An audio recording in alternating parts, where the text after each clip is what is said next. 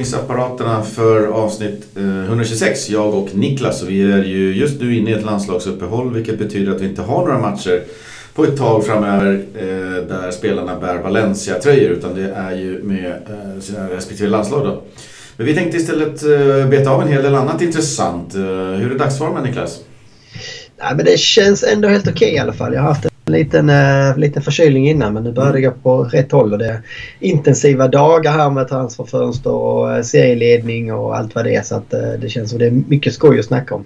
Dagsformen är bra. Det tycker jag. Själv också. Ja, jag tycker jag skulle behöva ha lite bättre paddelform känner jag. Men uh, stapplande steg efter sommaren här så är man igång igen. Du var ändå väl nere på träningsläger i Valencia här i somras på paddelutflykt. Ja, då hade vi faktiskt en, en tränare där som har gått till några gånger och bollat lite så det blir kul. Jag ska ner nu om tre veckor igen. Jag tänkte kolla på några matcher. Får se om vi kommer in på Real hemma och förhoppningsvis även Bilbao hemma då, om vi har lite tur. Så ja, just det. Snart är man nere där igen. Ja, det är skönt att börja öppna upp både resandet och Mestalla. Ja, och de gick ut nu med att de hade fått okej okay på att ta in 60% publik och då börjar det bli 25-30 va, på Mestalla? Ja, det borde det kunna vara. Då bör det kunna låta mer och det bör, borde ju... Det är klart att de här toppenmatcherna kan ju bli tufft för jag vet inte hur stor andel det är som släpps till medlemmar och sådär innan. Mm. Men eh, de vanliga, det, har varit, det har ju varit jätte, alltså lite dyra biljetter så att det, har inte gått åt. Så att jag tänker, fortsätter de hålla de här dyra biljettpriserna då hoppas jag på att jag i alla fall kan ha biljetter om jag har råd. Men att, eh, för det jag trodde först var att Eh, de här 15 som de släppte till premiären hemma bland annat, att de skulle gå i ett swoosh. Eh, ja. Det gjorde de inte.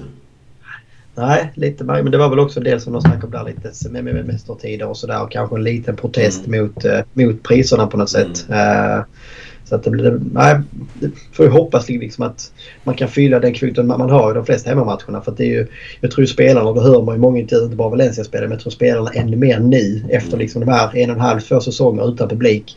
Ännu mer liksom kan uppskatta det här stödet och få den här energin av liksom ett bra tryck på hemmaplan. Mm. Ja, verkligen.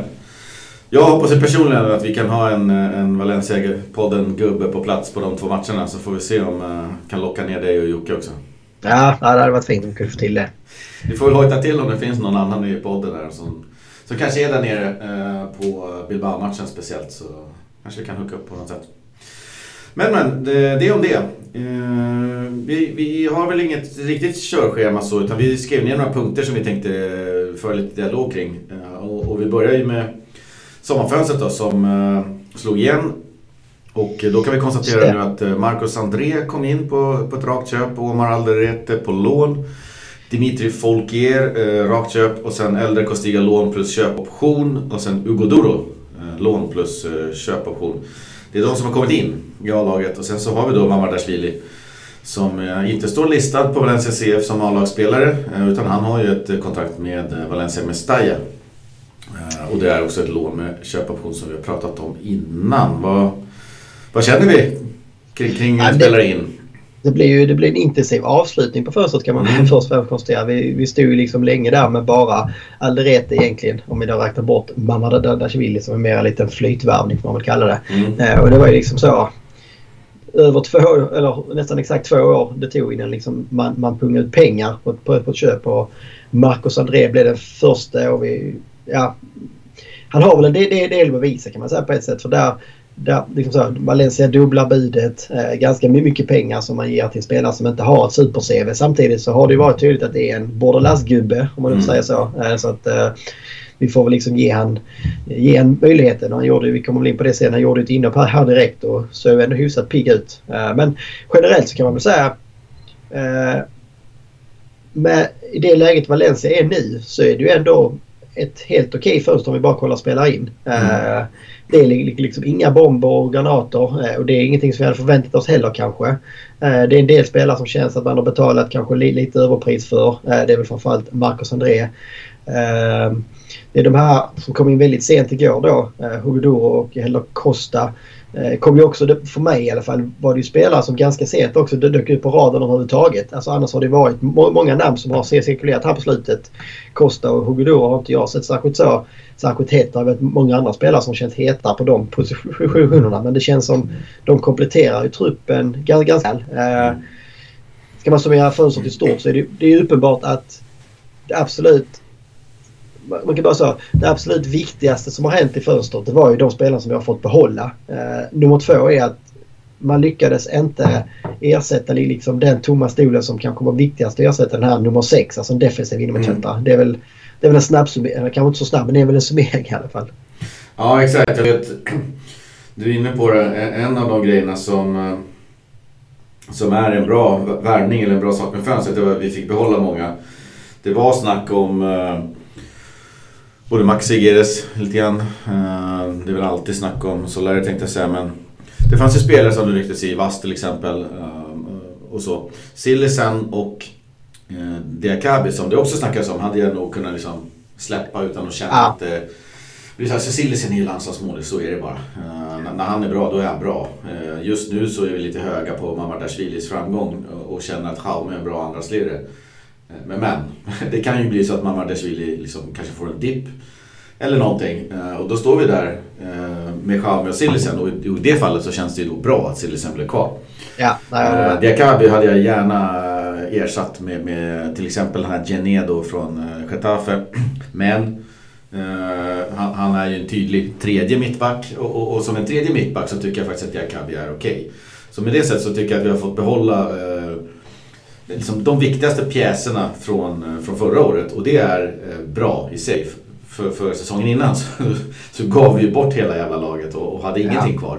Så, så det är bra och jag tycker de, de nyförvärven som vi har tagit in, spetsat till det. Som Marcos André istället för Sobrino ja, varje dag i veckan. Vi kostade 8,5 men Omar Alderete istället, istället för Mangala. Tack för den. Den är jättefin. Uh, Dimitri Folkier för mig en, en, en, gris i säcken. Eller kostar samma sak. Uh, Folkier är en gubbe som, som eh, uh, Bordalas har haft. Eh, det är en högerback vilket ju betyder att vi har Korea, Folkier och det är så många spelare där.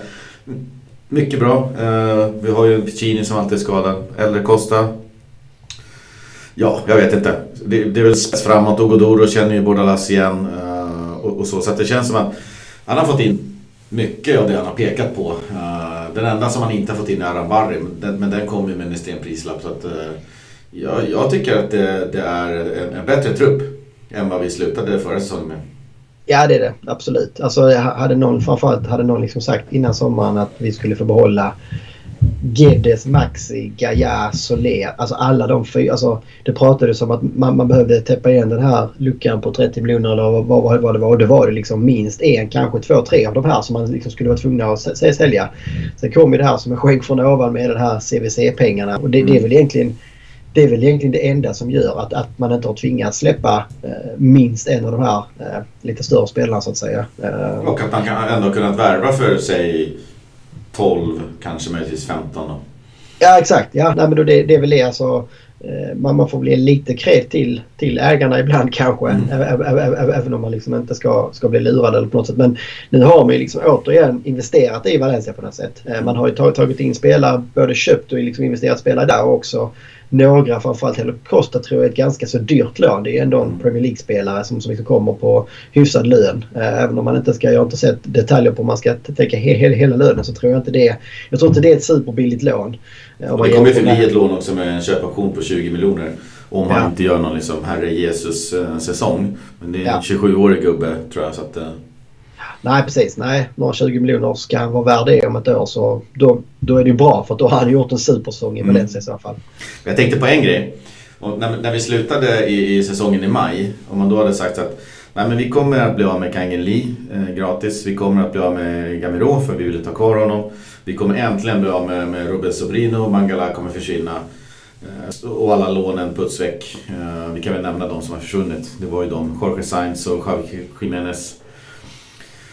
Eh, hade, hade man då sagt till mig att vi kommer värva eh, ett par gubbar Marcos André, Omar Alderete, Folkier, Elder, Costa och Goduro. och en eh, Mamardashvili i mål. Då hade jag tänkt, vad är det för någon B-hylla vi rafsar runt på alltså. kan man ju säga. Men nu när man liksom har synat de här, jag menar, Omar Alrete har vi sett in action. Eh, mm. Har ju varit fantastisk. Eh, plus eh, samma med Mamardashvili. Eh, så, så egentligen så är det folk Folkier Costa och sen Hugo Duro har väl de som kollar kanske mer än mig på La Liga. Eh, mer koll på och Marcos André kommit in. Så nu tycker jag absolut att det är helt okej okay fönster. Så, så gäller det för, för de här att leverera. Men, innan, eller i maj, då hade jag tänkt vad är det som pågår? Om man har fått de här namnen. Ja, ja, nej, ja exakt. Nej, jag håller med. Nej, men det känns ju också lite tryggt att det liksom återigen börjar bli lite mer komma tillbaka till det här uh, styret som det var. Liksom, vi kommer tillbaka på det senare på det med båda Lasse och relationen med Lim. Men det känns som tränaren är återigen i alla fall med med och ha ett säg. Vilka, alltså exakt vilka spelare. Det är inte bara så att han säger att han vill ha den här spelartypen. Utan det känns som att det här är ju gubbar som han har liksom kanske inte rekommenderat men som han alltid har liksom varit inne och sagt okej okay till. Och en del, del av dem har han ju direkt rekommenderat. En del av dem har till och med liksom haft som spelare innan i Folkier och Hugodoro. Så att han, han vet ju mycket väl vad det är han får. Mm. Uh, och det, det, är ju jäkligt tryggt på något sätt. Det är ju, det är ju liksom det, det som skär i mitt hjärta med hela det här fönstret det är ju hela Kaggeligi på något sätt. Alltså, ja att Kangeli skulle försvinna från Valencia inför, äh, inför kommande säsong. Det, här, det hade jag nog liksom varit fine med på något sätt. Men det är just... Alltså, man, när man skulle löst det här tidigare på något sätt. Det här skulle inte behöva sluta i att du sista dagen eh, när du ska regga Marcus André tvingas liksom köpa ut en spelare av den liksom kalibern. Om hans historik, om allt har varit med honom och hela liksom så här Uh, varför fick Marcelino och Alemani kicken? Jo men det var ju för att eh, Lim och Company tyckte att de hade liksom inte förädlat eller använt Meritons youth policy. Och vad har hänt med de liksom två största juvelerna därifrån? Kan, kan Kangeli i år och Ferratos i fjol. De har liksom bara... Den ena har köpts ut och den andra har liksom skeppats iväg och knappt fått en krona för honom. Ferratos är idag en världsspelare. Vad Kangeli kommer att bli det vet vi inte men oavsett vad så tycker jag det är så jäkla dåligt hanterat. Det, man hade ju hellre sett liksom att Kangeli hade de löst och så hade det stått Jason eller vad fan som helst där på något sätt i, i, i utgången istället. Ja, verkligen. Ja, och det, bilderna man drar sig till minnes är ju såklart den här tror det var någon Champions League-match eller någonting där Kangeli fick speltid och, och eller om han gjorde mål någonstans. Och då gick ju Valencia då ut med den här bilden på Kangeli. Så står det Meriton Youth Policy. Ja. Eh, Kangeli, eh, bla bla bla och sen en tränador, eh, Celades då. Uh, alltså verkligen så att det här är vår ljuspost, vi går för det här, det här är vår galjonsfigur för det. Alltså ett och ett halvt år senare eller vad det nu är, så åker han ut liksom. Ja. På det här taffliga och, och illa skötta sättet. Sen, sen har ju inte han gjort det avtrycket i avlaget som varken Valencia eh, fans eller han, han själv tror jag har önskat. Eh, vad det beror på har vi varit inne och famlat efter några gånger i och med att det är så många tränare som har petat honom. Men oavsett så måste du lösa den här kontraktssituationen på ett mycket bättre sätt. Det här är ren amatörafton alltså. Ja, för mig går det tillbaka till Marcelino gav ju ändå Kangeli vissa chanser. Alltså jag tycker att det visar ändå på ett förtroende att kasta in Kangeli i sista tio minuterna i den här Getafe-matchen hemma i Copa del Rey. Mm. Eh, som blir det här historiska där också Kangeli gör ju en en hockeyassist och en direktassist på de här mm. två målen som tas vidare. Och då ska man komma ihåg det här, då pratar vi, det är ju tre år sedan, då var Kangeli 17 eh, mm. och eh, får ändå det, det förtroendet av Marcelino. Att, att han inte fått förtroendet här av varken Xavi Gracia eller Celades. Säger det någonting om Kangeli eller säger det någonting om tränarna eller är det en kombo? Ja, det är ju såklart skitsvårt att veta eftersom vi, vi ser ju ingenting i träning och vi kan ju konstatera att när han väl har fått spela har det liksom inte blixtrat på något sätt. Men han, han, han, har inte... Det är svårt att säga att han har fått liksom en ärlig chans med kontinuitet kontinuitet i, i, i liksom match efter match och spela sig in i laget på något sätt. Och han är fortfarande bara 20 bast. Alltså, det, är, det, är, det är ingen som spelar som är ute på så här, men nu är han 25 och han har fortfarande inte fått till det. Nej, han är, han är, liksom, han är 20 bast. uh, så att jag... Ja, alltså jag, jag, jag, kan förstå och köpa liksom att man säger så. Nej, men han har ju inte lyckats i Valencia. Nej, men det det är ganska få eh, som du liksom så kan räkna ut på handen som har liksom slagit igenom med dunder och brak i Valencia innan de var 20 bast. Eh, sen så är det klart att jag tror både han, han, själv och många andra hade väl liksom hoppats att det här steget från att vara en av de mest talangfulla någonsin i juniorleden till att slå igenom laget att man hoppas att det skulle gå snabbare. Men det är ju för en del för en del kan det ju ta tid och för, för en del behöver någon slags kontinuitet på sätt. Jag vet inte. Uh, vi får väl se. Det känns så. Det är typ så vi, vi får väl se om två år. Uh, var, var står Kangeli då? Var står liksom Valencia då på något sätt? Med Ferran Torres så blir det tydligt. För det var lite samma snack där även om han ändå... Ferran Torres hade ju ändå en bra säsong i A-laget i Valencia. Mm. Det, det, det, ska man komma ihåg. Hans, sista år i Valencia slog han ju, slog han ändå igenom. Mm. Uh, men det var ju må många där som tyckte så ah, vad fan ska han i City nu? Han har ju inte visat sig. Han har en halv bra säsong i Valencia. Hur, hur ska det kunna gå? Ett år senare så liksom är han ju ja, men i stort sett given i det spanska landslaget. Gör ju mycket mål i EM och gjorde hattrick här senast i, i, i City. Så det är ju... Ja, det är ju... Ja, det är alltid balansgång där. Tog han chansen kontra fick han chansen? Eh, Exakt. Kontinuerligt. Ja. Fick han rätt position har vi varit inne på. Var det alltid någon annan position och så vidare. Var det alltid inhopp? Inhoppen i rätt läge där man ska hämta igen ett underläge? Eh, har vi Geisten i laget eller är det, det liksom i ett läge där man eh, ja, försöker försvara ledning. Vi, vi visade ju på hans stats där ett tag där han hade fantastiska stats och Valencia hade knappt förlorat när han var på planen och så vidare. Så, ja, eh, oavsett vad hans gärning i Valencia blir så tror jag samtliga hade trott och hoppats på mer. Eh, sen så slutar det på det här sättet. Och att han försvinner som du sa, det, det, det har stått klart ganska länge nu. Men, men till syvende och sist, det sättet som det blev när man ja, alltså man gör ju en jäkla blunder där sista tre dagarna. Eh, det ja. sättet, ingen vidareförsäljningsklausul, ingenting. Bara ger bort han till Mallorca. Det är så dåligt. Nej men det är, ju, det är väl det, det som också summerar liksom kanske Valencias ledning, hur, hur usla man är på affär. Det är mm. liksom du har ju, du har ju liksom en, en deal på bordet från Mallis där de då i alla fall efterskänker, tror det var 25-30% av framtida eh, försäljningsintäkter. Mm. Eh, Valencia är så jävla heta på gröten så man går in på morgonen och ska regga Marcus André i, La Liga vilket då innebär att man, man tvingas ta bort Kangeli. Det kan man inte göra om man har Kangeli kvar i truppen vilket betyder att Kangeli måste måste till till en annan klubb innan liksom äh, äh, Alaves avspark på kvällen. Mm. Och då är det klart att Mali säger du, ni, ni får inte en krona av oss. Det är nästan tvärtom. Vi hjälper ju er. Äh, och då liksom pang plötsligt så är det noll övergångssumma, noll framtida intäkter. Eh, det är en kille som har varit i klubben sedan han var 10 bast och har liksom varit dominerande genom hela akademiledet. Eh, och det, det är liksom så här det slutar. Och också liksom hela så här kolla på Valencias hemsida. Det är liksom tre rader i en mening eh, som bekräftar att han inte är kvar i klubben längre. Tack och lycka till. Jag tycker det är, det är bedrövligt alltihopa. Vilket, ja. vilket, vilket, vilket tyvärr då, för mig i alla fall, drar en liten sorti över de här bra grejerna som man har gjort det här fönstret på något sätt. Alltså så fort mm. jag tänker på ah, fan det, det, det är ändå bra. Sen så kommer det här. Nej, det kan ni också. Ja, just det. Fan, alltså det, det, det var så jävla uselt så det liksom nästan förstör tre bra grejer på något sätt. Nej, och, och, och om man ska hårdra det så byter man ju eh, 25-30% av en vidareförsäljning av Kangeli mot eh, 22 minuter inhopp mot Alaves från bänken. Eh, det var det det var värt. Ja, ja nej, men exakt. 22 det... minuter från bänken kastar man bort 25-30% av Kangelis framtida vidareförsäljning. Ja, bra jobbat. Men där har du en blunder av eh, den mer avancerade högre skolan. Ja, nej, jag sitter här liksom och börjar koka blodet igen så vi får nästan gå vidare. nej, vi byter spår. Nej, men det var in och ut i alla fall. Så, så Kangino, Sobrino och eh, Kevin Gamero då är väl de som har liksom haft någon, någonting att göra med A-laget som Mangala har ju tränat och, och, haft någon galen minut någon gång i någon Ajax-match och så vidare. Men, men eh, det är ju en riktig parentes. Så de har försvunnit då och eh, vi har ju gått igenom de som kom in. Eh, eh, vi ska gå igenom dem lite mer tänkte jag, men vi kan väl ta lite lagdel för lagdel. Vad har vi för Valencia-lag liksom på banan? Jag tänkte jag kan väl börja med målvaktssituationen så kan du mm. kommentera ja. det och sen så tar du backarna och jag kan dra mittfältet och så tar du anfallet eller något sånt där. och, och, när jag tittar på målvaktssituationen så är den ju speciell. I och med att Valencia listar ju bara tre målvakter eh, på, i första laget då. Och det är ju Silesen, Chameo och Christian Rivero.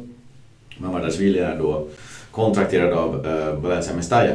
Vilket, som gör, vilket gör att man lånar upp honom. Eh, som man får göra. I och med att han gjorde det himla bra i, i träningsmatcherna och eh, tillgången till Jaume och Sillisen i de första matcherna eh, var ju lite Alltså det var ju svårt för oss att veta exakt hur, hur skadade de var och hade de kunnat stått och varför stod inte Christian Rivera och så vidare. Men, men han tog ju chansen med, med hull och hår och då har han inte släppt ifrån sig den här platsen. Och det är ju då ett problem. Tror jag. Eh, för att eh, Christian Rivero, Jaume och Sillison har ju nu ett A-lagskontrakt samtliga. Och eh, Mamardashvili har vi möjligheten då i höst att köpa loss för 600 000. Det var väl 150 000 rigga och designa innan.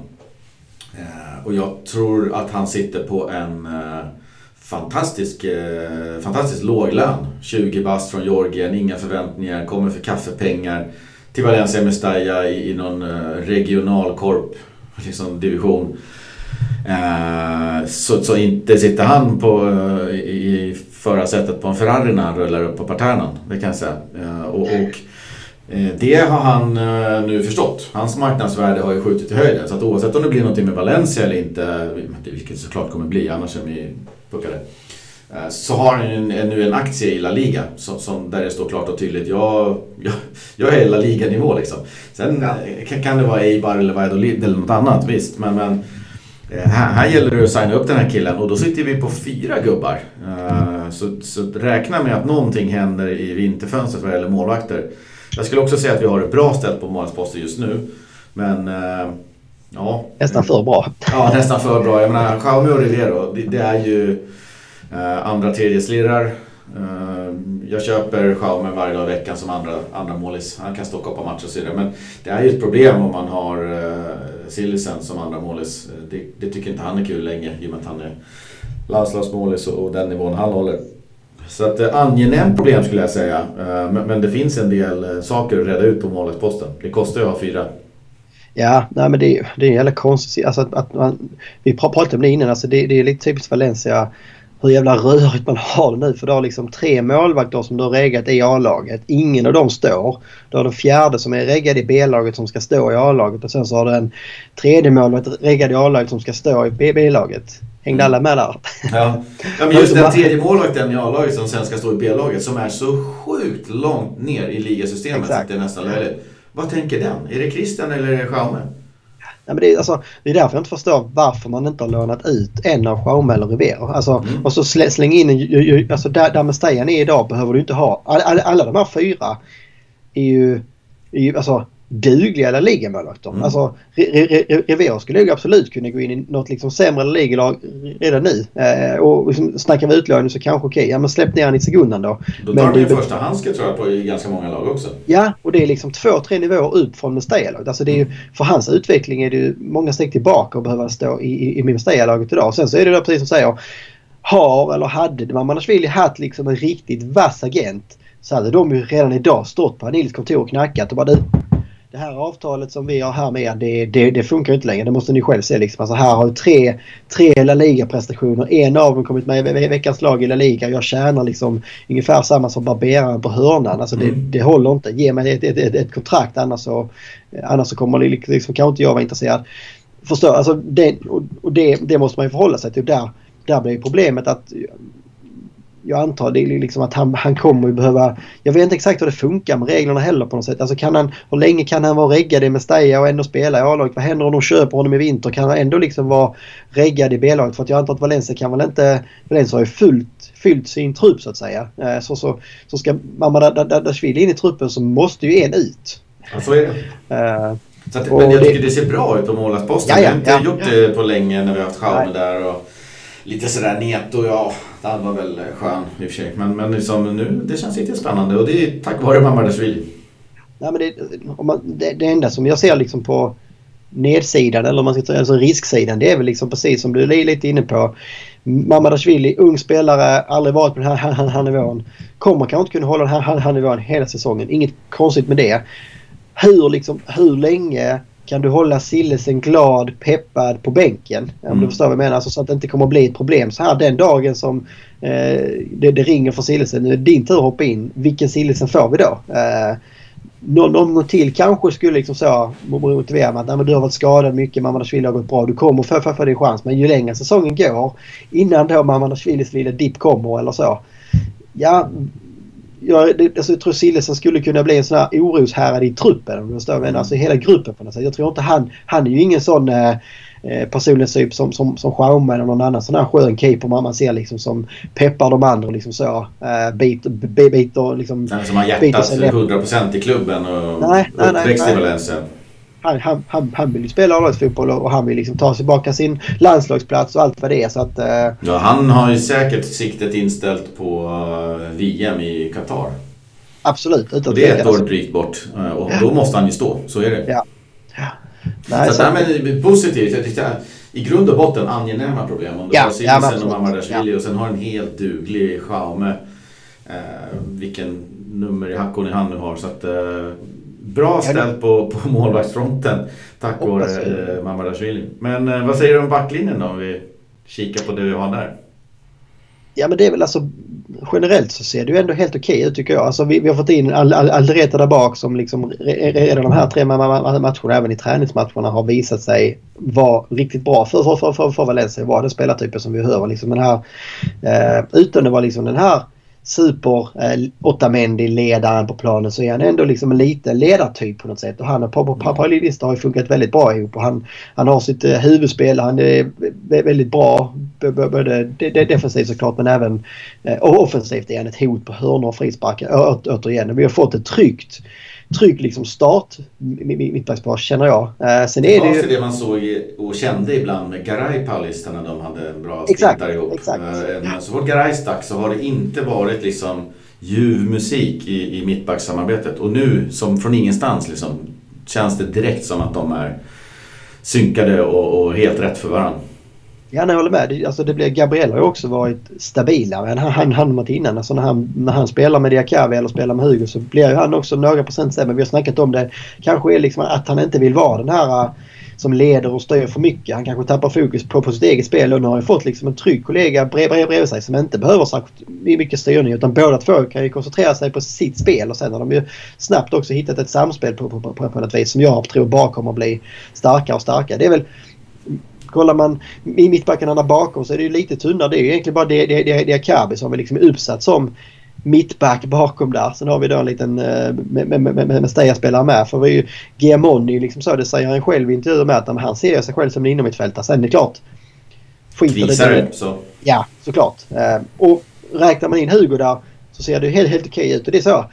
Det är också jäkligt svårt i det läget som Valencia är och tagit in en mittback till. Alltså, ska du ha fyra mittbackar som ändå alla vill spela lite grann. Vi spelar bara La Liga-fotboll. Eh, så att vi, vi får nog vara nöjda att vi har liksom det, det, det, Kabi, när han inte har sina sämsta dagar så kan det ju ändå vara liksom en bra... Det, det är ingen juniorspelare. Uh, Mm. så att, nej, helt okej. Ytterbackarna där, där är ju liksom så. Det är ju högre li- ligaklass både på Gaia och, och Korea när de, när de har bra dagar. Så, ty, alltså det, det är absolut topp tre ytterbackar i ligan skulle jag säga. Mm. Eh, och det, nu har vi också fått in bredd där med, med Folkier till höger och du har ju Lato eh, till vänster. Vi hade ju Va- Va- Va- Vasquez som hoppade in senast också som är liksom spännande och kommer kanske få lite chanser att kunna se, se vad vi har där bakom. Så att eh, backlinjen liksom generellt mycket, my- mycket liksom starkare år än i fjol vilket beror både på Alderete men också på liksom de framstegen som Korea tog under våren i fjol. Eh, han är ju nu liksom en av Valencias liksom starkaste spelare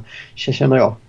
Ja, verkligen. Ja, och vi får väl slänga in en vass där också som abonnerat på högerbacksplatsen. Så, så har vi Precis. gott ställt på ytterbackarna. Eh, Och, och precis som du säger, oavsett hur många man har på varje position så gäller det att den som är etta är bra. Och där har vi Ja. ju Gaia och Thierry Correa som, som verkligen eh, har visat att de eh, de håller högsta klack. Gaia vet vi såklart sedan länge. Men Correa att han hade tagit sådana steg och, och sådär. Så att, eh, jag tycker också backlinjen här finns det få saker att klaga på.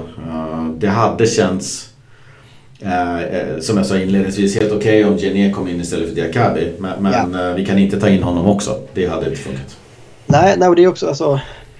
Det är alltså, vem, vem skulle peta som... Alltså vi säger Diakabi ut, Jané in. Vem skulle liksom... Om, om vi antar att han vill spela 4-4-2, vem ska han peta? Alltså... Mm.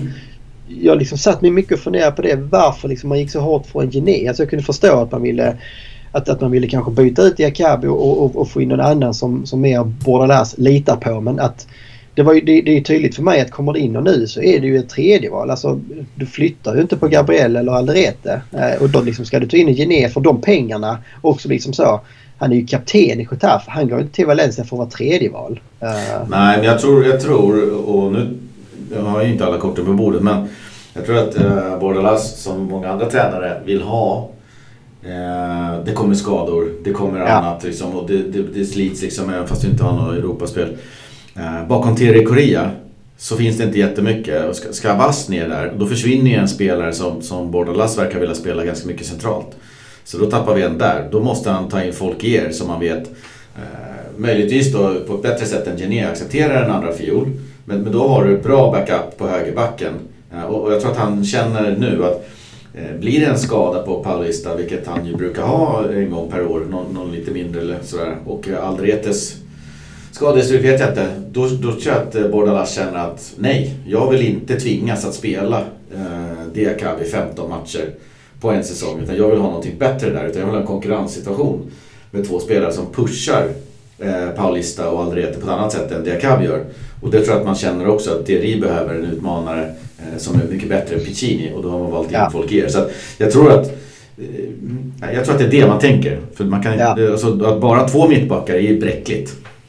Nej men det, alltså, det var väl mer... Det mm. jag hellre hade gjort hade ju varit och liksom gått all in för den här sexan istället. Det kändes mm. bara som att en, en, en Gené, det är mer så absolut nice to have. Alltså det, det är väl liksom så fast vi har, precis, precis som du säger, fast vi har ju en alltså startelvan på de här positionerna, vilket är de nu, är ju superstark. Alltså det, det är ju ingen de som jag skulle... Alltså, jag skulle ganska bra spela till för att flytta på någon av de fyra. Mm. Uh, känner jag. Uh, ja, då, då måste du ju lufta på lädret rejält. Alltså du köper ja, ingen exakt. bättre än Korea för 2,5. Uh, och du får inte in någon bättre än José Gaia liksom för, för, för under 10-15. Uh, och samma med Gabriel och, och, nu som det visar sig då, då Alrete.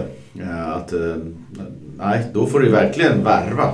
Och, ja, då, ja. Den typen av stor affär. Jag tror att jag tror att Bordalas bara inte har något förtroende för Diakabi och kände att kan vi få 15 för Diakabi och lägga 15 på Gené Ja, ja. ja men exakt. Summorna kan skifta där. Förstår du vad jag menar? Då skulle ja. han jättegärna göra den affären. Eh, ja. Men nu blev det inte så. Då är det inte någon panik heller. Men...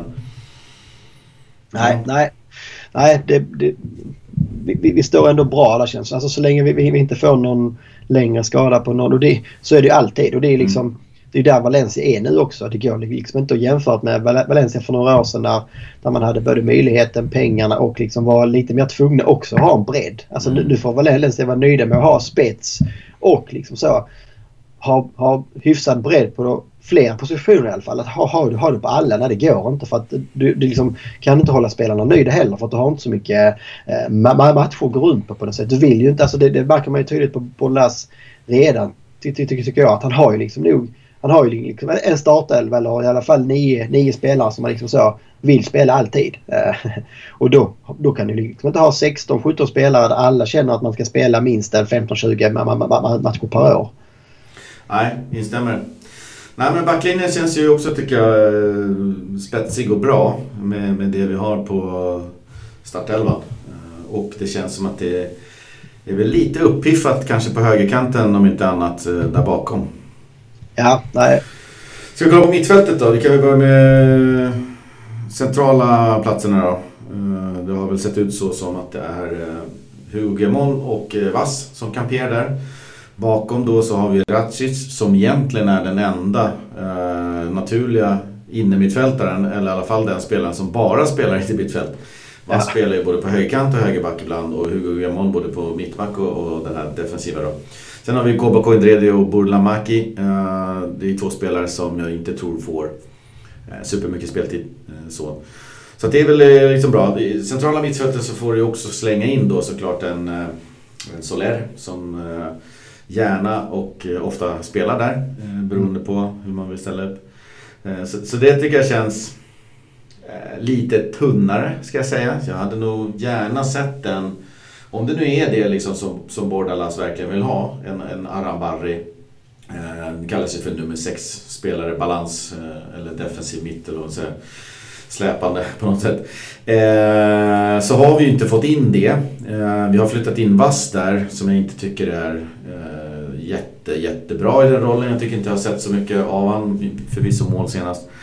Racic har heller inte eh, visat jättemycket och eh, har varit en del eh, skadehistorik på honom. Så att, mm, lite tunt och kollar man då på vänsterkanten så har du ju ja, men Cheryshev, sen så har ju den här nya Elder Costa sin naturliga wingerplats på vänstersidan. Nu kan han spela på höger också. Och även liksom lite släpande forward sådär, dina offensiv spelare.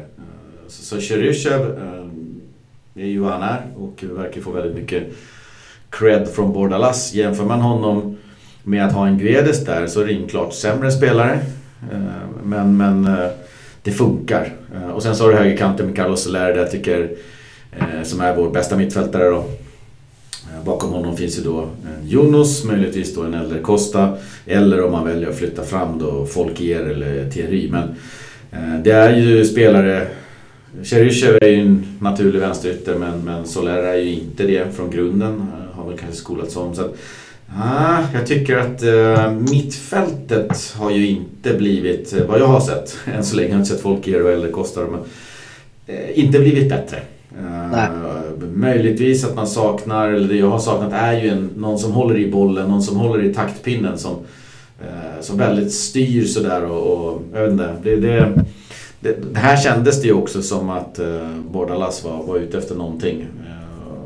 Och inte bara Arambari, men, men primärt honom. Lite, kanske lite för mycket Arambari. men, men, men, också att han ville ha in något annat, men det löste sig inte. Men nu har han ju fått loss en högerback i Folke, vilket möjliggör att Vass också kan vara fulltid på mittfältet. Så att, eh, mm, lite frågetecken kring mittfältet. Ja, jag håller med. Framförallt inom mittfältet är ju absolut Valencias, ja, på pappret i alla fall, alltså svagaste lag. Sen så har det varit tre omgångar in. Då har du ändå, alltså då, det, ser, det ser ju sämre ut på pappret än vad det sett ut liksom i spelet. Vilket mm. kanske förvånar, utan att kanske någon så har stuckit ut supermycket. Men jag vet inte om det också beror på att man inte kanske använder inomhusfältet i spelet på samma, samma sätt längre. Så det blir inte li, li, lika viktigt att ha den här Parejo kanske. Utan man, man har ett, ett, lite annat spelsätt. Eh, känns det som i alla fall. Du har liksom inte hela tiden en inomhusfältare som ska styra spelet. Och det, det finns ju för och nackdelar såklart. Den ena för, för, fördelen kan ju vara att du blir inte lika beroende. Alltså Valencia var ju väldigt beroende av Parejo. Mm. Om du liksom ska, ska gå tillbaka till när vi senast hade liksom en innermittfältare som hade den klassen och kunde styra, styra spelet på något sätt. Du blir ju... Du blir ju humör... Det humöret som Parejo var på, var han på ett superhumör, ja men då var Valencia bra. Var han på ett sämre humör, ja men då var det svårare för Valencia att vara bra. För så mycket spelet skulle gå genom honom. Han skulle kladda bollen, alltså varannan pass ja. skulle ju gå till Parejo i stort sett. Och ja. Många gånger så hämmade ju det kanske lite spelet, eh, tyckte jag. Men, men det var ju den typen av spel som man länge ville ha, att han skulle styra allting. Eh, Bordalas har ju lite av en annan taktik där, där man, eh, lite likt Marcelino i stundtals, väldigt snabbt söker omställningar. Och då ska inte en Parejo kladda boll. Utan den ska ju uppåt på folk som löper och det är inte Parejo som löper. Så att, det är en annan uppställning här. Ja, nej, det känns ju också som... Alltså, mm, det har sett bra ut, jag håller med. Det har sett bra ut på banan. På banan. Efter, ja, men det känns, efter, eftersom han har valt att sätta då, alltså Hugo och Vass har ju varit liksom första valen så känns det som att det sänder också signaler om att nej men Bordalas ser inte inomhusfältet lika... Alltså, många säger att nej, är ju kanske den viktigaste positionen. Det är ju liksom navet på något sätt. Det är där offensiva spelet ska starta. Det är där liksom, eh, du, du liksom ska hålla hold your ground på något vis. Uh, här får vi in liksom två ganska anonyma spelare. Det, det, det liksom som, som kan vara bra med det är ju att nej, det är inget som sticker ut åt det ena eller andra hållet på något sätt. Alltså de är ganska gedigna. Du vet ju vad du får varje match. Uh, för det mm. känns som hade Bordalas velat ha ett mer spel genom infältet så hade ju Carlos Soler liksom... Då hade det varit han som man tryckte in där och kanske då Vass hade spelat på kanten istället. Men, men vi får väl se liksom hur, hur, liksom, hur, hur det lider. Men på pappret på pappret känns det ytterst svagt på innermittfältet. Alltså det är ju ingen av de spelarna som... Eh, Hugo är väl kanske den där som vi får utvärdera mer i en ny roll. Men det är ingen mm. av de andra spelarna på innermittfältet som hade tagit plats i något annat La Liga-lag på över halva på innermittfältet. Det är ju bara att konstatera. Så där är det ju på pappret eh, liksom undre halvan. Eh, yttermittfältet tycker jag ändå ser... Alltså om vi också... Om man också det finns ju också möjligheten att de om liksom inte Cherche flyger till vänster och du inte riktigt får till någonting till höger kanske så skulle jag också säga att en Marcus André eller en Hugo Doro liksom för, för komma in i en jävla stint. Ja men då, då, då kanske du, du vill ha en av dem Maxi och Geddes på plan samtidigt. Då har du ändå möjligheten att stoppa ner Geddes ett steg i banan. Och kan du få igång då en Hello Costa kanske på ena kanten och Geddes på den andra så känns ju ändå det spännande. Och Cherche, du vet ju ändå vad, vad du får. Det är ändå mm. sådär halvpoängspelare. Sen är han lite upp och ner och eh, lite sämre i defensiven och sådär. Och ska Soler spela lite till höger? Ja, säg vad fan du vill. Han, han, han, han gör sina mål, han gör sina assist. Han har kommit till eh, landslaget på det. Exakt, ja. och du har en Jonas Musa som i fjol slog igenom med dunder och brak. Hade liksom en flygande höst. något väntat liksom dipp under våren. Eh, vad liksom kan han göra nu andra året? Han har fått lite erfarenhet, han har blivit lite mer etablerad, fått en ny försäsongsträning. Eh, fått liksom en tränare som kanske också kan coacha och guida honom på ett helt annat vis. Eh, så yttermittfältet tycker jag ändå ser, ser liksom spännande ut mm. eh, på, på något vis. Även om det finns en del så en Heller Costa som behöver bevisa sig. Eh, en Mumussa som också är så. Kommer det vara, kommer det vara liksom hösten eller kommer det vara våren som Mumussa som vi kommer att se med, med, med, med mest av? Och ska Solea vara där ute eller är han inom ett fält? Det, inom ett fält svagt, ytterm ett fält spännande. Mm, ja men absolut. Och det som känns genomgående nu det är att Bordalas har tagit in många spelare. Eh, vi hade ju egentligen bara Vassen som förut som kunde spela på många positioner. Nu har du ju en mängd spelare som kan spela på olika positioner. Så om det är bra eller dåligt, det får ju tiden utvisa. Men det verkar vara en tydlig tråd i det hela, eh, känns det som. De ja, nej, exakt. Spelare. Ja, nej, men precis. Vi snackade om det innan att han verkar ju, Bordalas verkar ju liksom mer leta de här generalisterna kanske än liksom en, specialist på något sätt. Alltså nästan alla nyförvärv så ser man du skulle kunna spela på mer än ett ställe. Eh, jag, jag tror heller det är omöjligt att vi kommer att se Manu Vejo eller Hugo spela på yttern ibland. Eh, säg liksom att du jagar mål på slutet eller någonting och, och de på bänken skulle mycket väl, väl, väl så att du har kvar GD som har Maxi längst upp och du slänger in någon av dem där. Och det har ju Vejo gjort innan och eh, funkar ändå helt okej. Okay. Eh, så ska man liksom anfalla och vill ha lite fart och fläkt på, på kanterna så tror jag de, de skulle kunna funka där också på något vis. Mm. Ska vi kika lite på spjutspetsarna framåt då? Om du tar den, vad, vad ser du? Nej men det är alltså kollar vi start, startuppställningen och vi antar att det kommer vara liksom GDs Maxi där så är det alltså det är ju, menar, Barca har, har anfallare i Braithwaite och Luke de Jong. Jag hade ju mm. aldrig bytt de två mot Gedes och Maxi om man säger så. Eh, det, det, är liksom hög ligaklass. Alltså potentialen i alla fall som finns där är, är väldigt, väldigt, väldigt hög. Och det är också två spelare som vi snackat om innan som också på pappret i alla fall borde kunna komplettera varandra väldigt, väldigt bra. För det, det, det är två olika spelartyper. Eh, men nej, det finns liksom få anfallspar i La Liga eh, om man liksom ska bunkra ihop dem som jag skulle bytt, eh, bytt de två mot med den potentialen som finns. Sen så är det ju Maxi behöver komma igång eh, men det känns ändå som att jag hoppas och tror att det är liksom mer en fråga om när än om man ska komma igång. Mm. Eh, det måste han göra på något sätt. Alltså, han har ju ändå mål i sig eh, och det, det liksom försvinner inte på något sätt. Och Gedes har ju liksom en uppåtgående formkurva sen, sen i våras och har ju gjort liksom en superstart även på den här inledningen av säsongen. Och ändå tror jag att det finns ännu mer att ta av honom. Eh, och plus att vi då har fått in liksom Marcus André, Hugo Doro, två spelare i bra ålder, två hungriga spelare, två spelare som nu får chansen i ett liksom etablerat La Liga-lag som satsat på över halvan. Det har ingen av dem varit det egentligen. Alltså Hugo Dura var ju lite avbytare i Kontaf innan men nu, nu är det två, tre år senare och han har liksom fått lite, eh, lite speltid och självförtroende i, i, i Real Madrids eh, Castilla-lag och gjort mål där. Eh, så de liksom, kan de ja, beroende liksom såklart på hur de utvecklas så tror jag att det ändå kan finnas tre, tre bra inhoppare bakom. Och så Viejo vet ju vad, vad var i fjol. Det är liksom en slitvarg men, men, men, men, i fjol så gjorde han ju också mycket mål som inhoppare. Var ju viktig i sina, alltså som supersub på, på, på, på något vis. Och anfallet tycker, tycker jag ser bra. Alltså, jag hade aldrig jag hade liksom tagit här alla dagar ve vecka i vecka när någon hade slängt upp de här eh, eh, fem, fyra, fem spelarna i, i, liksom i våras. Eh, att vi skulle starta så här i höst med dem.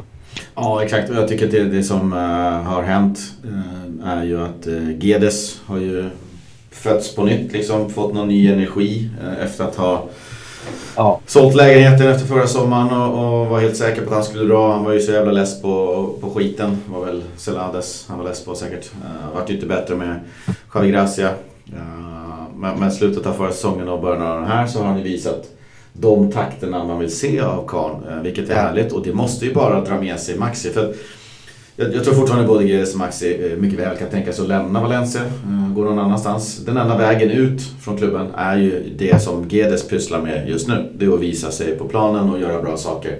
Det kommer ta dem till landslaget och det kommer ta dem i sådana fall vidare. Eller att man får ett bättre kontrakt med Valencia om man väljer att stanna. Så, så att Maxi ja. måste verkligen in i den. Och, bakom där så känns det jäkligt intressant med Marcos André och eh, Hugo Duro. Förut hade vi egentligen bara eh, Mano Vallejo som, var eh, älskvärd gubbe liksom. Men, men, det är ju inte, det är inte hög nivå på honom. Eh, så, så, att eh, nu är det två till där som som kan leverera. Så att jag ser ju att eh, det är eh, bredare än tidigare och, och spetsigare, eller spetsigt var det ju redan från början med, GDS och Maxi. Ja, det, det var en, en grej som jag bara måste lägga till om, om, om Guedes som jag sitter och så jävla spännande hur fan har, grejerna har gått till ibland. Det var ju precis som du säger att han såg upp sin lägenhet. Det var ju också att hans pappa var ute i början av sommaren och liksom sa att han såg ingen framtid för GDC i Valencia efter sommaren och sådär. Eh, sen så blev det, ju, blev det ju ingenting som hände under sommaren så att han var ju tvungen att komma tillbaka till Valencia liksom efter EM och sådär. Ingenstans han hans bo. Var, var inkvarterar man sig då? Jo, i Ruben Vesos lya. För först är det man så, fan har han kvar ett boende i Valencia? Hoppas han liksom att han ska få en ny chans eller vad, vad, vad fan är det? Och hur, hur, liksom, hur, hur har de... Ja, alltså det var så mycket frågor som liksom kom fram att han hade bott i Ruben Vesos lya här till han hittade någonting annat. Eh. Ja, och, och så vitt jag vet eh, så bor Ruben Veso i eh, huset som huserar tror jag, Mediamarkt precis bredvid Nomestaya. Jag såg nämligen honom hoppa ur en sportbil där och gå in i en port. Och har väl sett på hans stream på Insta till exempel att han lägger ut lite bilder någonstans därifrån. Så att, ja, ja. Eh, jag, jag, tror mig veta ungefär i alla fall vad Guedes huserar. Ja, för det, det, det, det, är liksom inte heller så att det är supersvårt eller omöjligt att få tag i en lägenhet i Valencia. Alltså, Med de äh, han har? Nej, nej. Så att det, det kändes så jävla konstigt att han så hänger i... Alltså jag vet, man, man fick så mycket bilder framför sig liksom med gangster med Vesos löja där och så kommer liksom Guedes. Men bor Ruben Veso där också? Han spelar ja, ja, i Levante liksom. Ja, nej, precis. Roommates nu. Ja, nej jag vet inte. Är det ingen av dem som har en tjej eller för den delen kille? Nej, nej. Man blir uh, mycket, mycket frågor liksom. Uh, mycket frågor som dyker upp i huvudet där. Men ja. Alltså det är väl truppen. Jag tycker precis som jag sa lite tidigare här att, att det är en bättre trupp än vad vi avslutade säsongen med. Och det finns dessutom potential. Det finns många kort här som vi inte har sett som, som mycket väl kan blomma ut. Ja, nej men det, jag gick ut på Twitter och sa ju ett bett där. Är det någon, någon som liksom vill utmana mig där så får man gärna göra det. Att jag tror att eh, Hugo Duro kommer att göra fler mål än Marcus André den här säsongen. Eh, jag tror mer på honom än jag gör på André. Men, eh, mm. Jag tror att handlar om speltid. Vem som får speltid. Ja, nej, såklart. Samtidigt så skulle jag ju... Jag har inget emot egentligen att förlora det bettet. Eh, bara, bara, bara någon av dem. Bara liksom inte blir så att Marcus André gör ett och Hugo Doro noll. eh, jag hoppas ju såklart på Marcus André i och med att det är våran spelare och vi kan kränga karln sen. Hugo Doro ja. går ju tillbaks liksom och det, det är klart det är tacksamt om han kan spruta in en massa mål.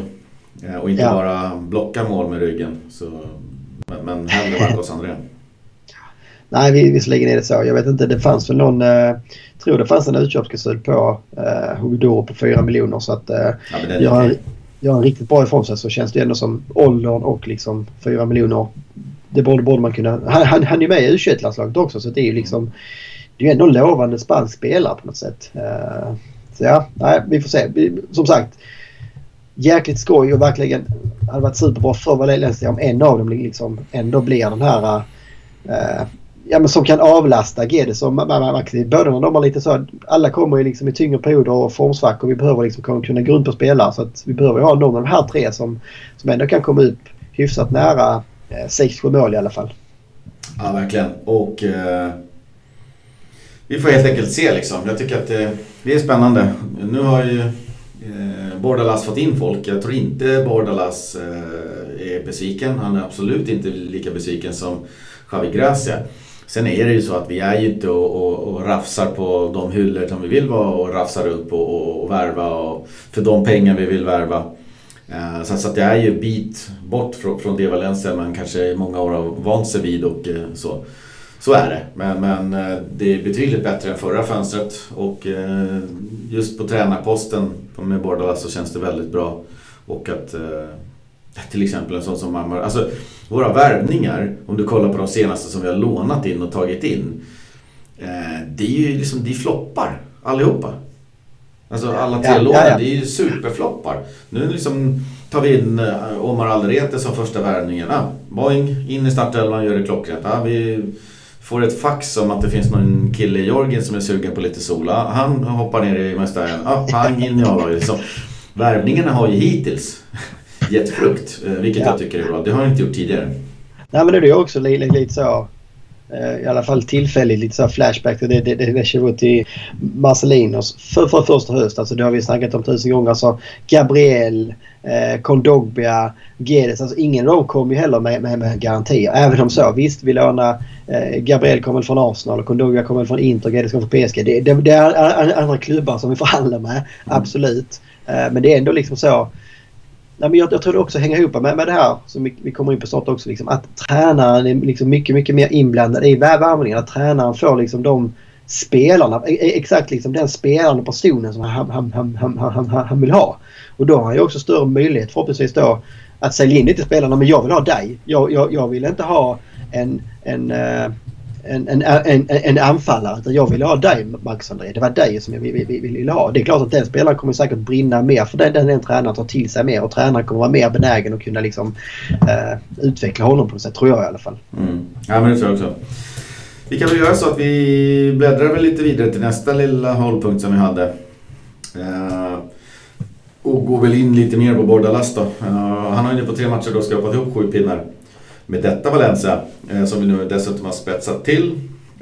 och vi såg ju nu senast rätt mycket bra grejer i en 3-0-seger mot ett, vad jag tyckte var ett blekt Celta. Soler Vasquez i målprotokollet, intakt nolla bakåt. Vad tar du med dig från den matchen? Eh, och så tänker jag när du har liksom tömt dina känslor på Celta-segern, vad den betydde och vad härligt det var att ta den inför landslagsuppehållet. Så kan vi spinna vidare på en liten, eh, om en extremt tidig, men ändå ja. kanske en liten summering av Bordalas så att säga. Vad, vad har vi taktik och, och inställning och vad har vi sett? Så börja lite alltså, med Celta där framförallt första halvlek eh, var ju alltså länge sedan man såg Valencia så spelsuget också. Så får man ju drömstart med mål efter bara några minuter. Eh, fortsätter liksom trumma på eh, och man hör, hör, hörde ju det i den här eh, water break eller vad de kallar det, cooling break också liksom. Eh, Bordeaux som säger att nej men fortsätt nu, nu går vi för tvåa, vi ska inte släppa av nu för det. Mm. Man börjar bra, fick 1-0, fortsatte bra men man fick aldrig 2-0. Guedes hade skott i stolpen och Alaves, de började ändå äta sig in i det lite mer på något vis. Eh, de kom upp lite mer, Valencia föll tillbaka. Och sen så kom Valencia tillbaka hem på sätt och gör 2-0 precis innan paus och ler ett riktigt snyggt mål. Eh, och sen andra halvlek spelar man mer av. Man, man gör ju 3-1 hyfsat tidigt där också. Det är väl efter 10 minuter och kvart. Eller 3-0, 10 minuter och kvart. Mm. Som också är liksom så perfekt. Alltså, det, det, det enda som jag tänkte i paus det var ju så här ja, fan, kan, kan vi ha det här laget och det här spelet och få igång Gedes och Maxi längst ut? För de var inte riktigt med i första halvlek kände jag. Det var ändå som, som, som säger svagt alla vet. Sen är det alltid så. Var de dåliga eller var det Valencia som gör, gör dåliga? Ja, Exakt. är det hönan eller ägget hit och dit? Eh, men det liksom kändes så nej, fan de var inte lika heta som liksom så mittfältet ty tyckte jag var bra. Ytter, ytterbackar vågade fylla på. Eh, så att, väldigt, väldigt imponerande match. Jag tyckte också jag satt så och kände här, det var fan mig länge sedan Valencia satt liksom så i 60 minuten med, med 3-0 upp och liksom så. Du kunde slappna av. Mm. Det känns som Valencia har vunnit matcher absolut. Och det är väl den här närmaste man kommer till. Det är väl den här jävla sjuka Realma-matchen för något år sedan. Men det var ju i alla fall jag, även när, man gjorde 5-1 eh, så kände man så. Nej fan det här laget kan släppa in fyra mål. Alltså domaren kan helt plötsligt vifta så är det två straffar. Så det, det var länge sedan Valencia var så så välkänta av en storseger som man var, var, var, var nu. Sen så, såklart får man ha med, med sig att det är, det, det är jumbon i ligan. Det var Alaves tredje raka förlust. Det är liksom eh, mycket som, som inte stämmer där. Eh, men eh, Valencia, det, det kan ju inte Valencia vara för sig. Alltså Valencia kunde inte gjort mycket mer den här matchen än, än, än man gjorde, kände jag. Eh, och jag tyckte det här var Bordalas absolut liksom bästa match som, som Valencia-tränare äh, än så länge. Om vi, om vi, om vi stannar vid alla VVS-matcher så kan du väl få lägga till eller kommentera om det är någonting därifrån innan vi går in på summera. Ja, men jag håller med. Alltså, 3-0-segern var ju kassaskåpssäker. Jag tyckte att äh, Celta, eller äh, Alaves skada, skapade väldigt, väldigt lite för att hota på något sätt eller att liksom börja stöka ja. kring det här. Äh, Valencia skapar ju tre egentligen stora lägen och man gör mål på dem alla tre. Eh, effektiviteten är så tilldeles bra. Man skapar en del halvchanser. Kollar man på X-goal så hade Valencia 2,3 eh, ungefär eh, och 1,7-1,8 av dem består av målchansen som vi gör mål på. Så utöver ja. målchanserna inte supermycket farligheter så vi bränner ju liksom inte tre lägen Nej. till. Men vi skapar de här tre lägena och, och vi gör mål på dem. Eh, och, och håller Alaves på... Eh, eh, alltså, de kommer ing, ingenting. De, de skapar Nej, i stort sett inga farligheter. Så, så det, det tar jag med mig. Jag tycker att de... Eh, jag kom på nu mitt i att jag sa Celta, det var ju Alaves såklart. Eh, Men, men eh, de skapar ingenting och det är det jag tar med mig. Alltså, det var en väl genomförd match. Den här typen av matcher har vi haft otroligt svårt för, även på Mestalla. Vi kan eh, Ja. börja med att släppa in den, så får vi krampa oss till en, till en 1-1. Eller så har vi ett 1-1 eller 1-0 och tror fan att vi varenda gång släpper in ett mål och så går vi därifrån missnöjda med, med 1-1 eller... Ja, alltså, det, Ja, men- ja, men det var- vi ska ställa av de matcherna och nu gjorde vi det.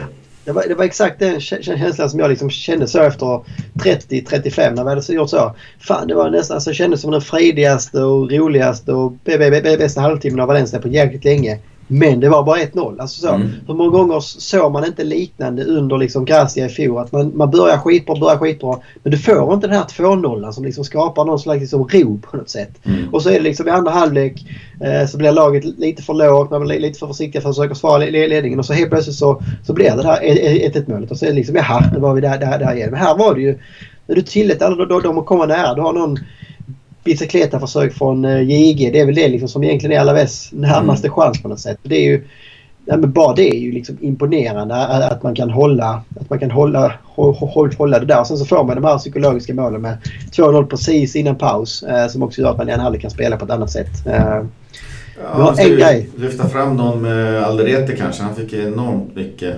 positiva ska- ord efter matchen. jag skulle vilja bara få en snabb analys av eh, Mukhtar Dakabis inhopp. Hans första 10 sekunder. jag kommer faktiskt inte ihåg dem på rak arm. Han hinner väl knappt in innan han tvingas kapa dem på mittplan och ta på sig Valencias enda gula kort. Det var ju, jag tyckte det var lite så... Det är nästan lite synd om honom för att det var Mm. lite så... Ja, du får men chansen. han inte lite snett och lite galet in Jo, i situationen? jo, jo, jo. Det, det, det är tre minuter kvar. Det står 3-0 på hemmaplan. Då vågar vi slänga in Diakabi. Sen så tar det...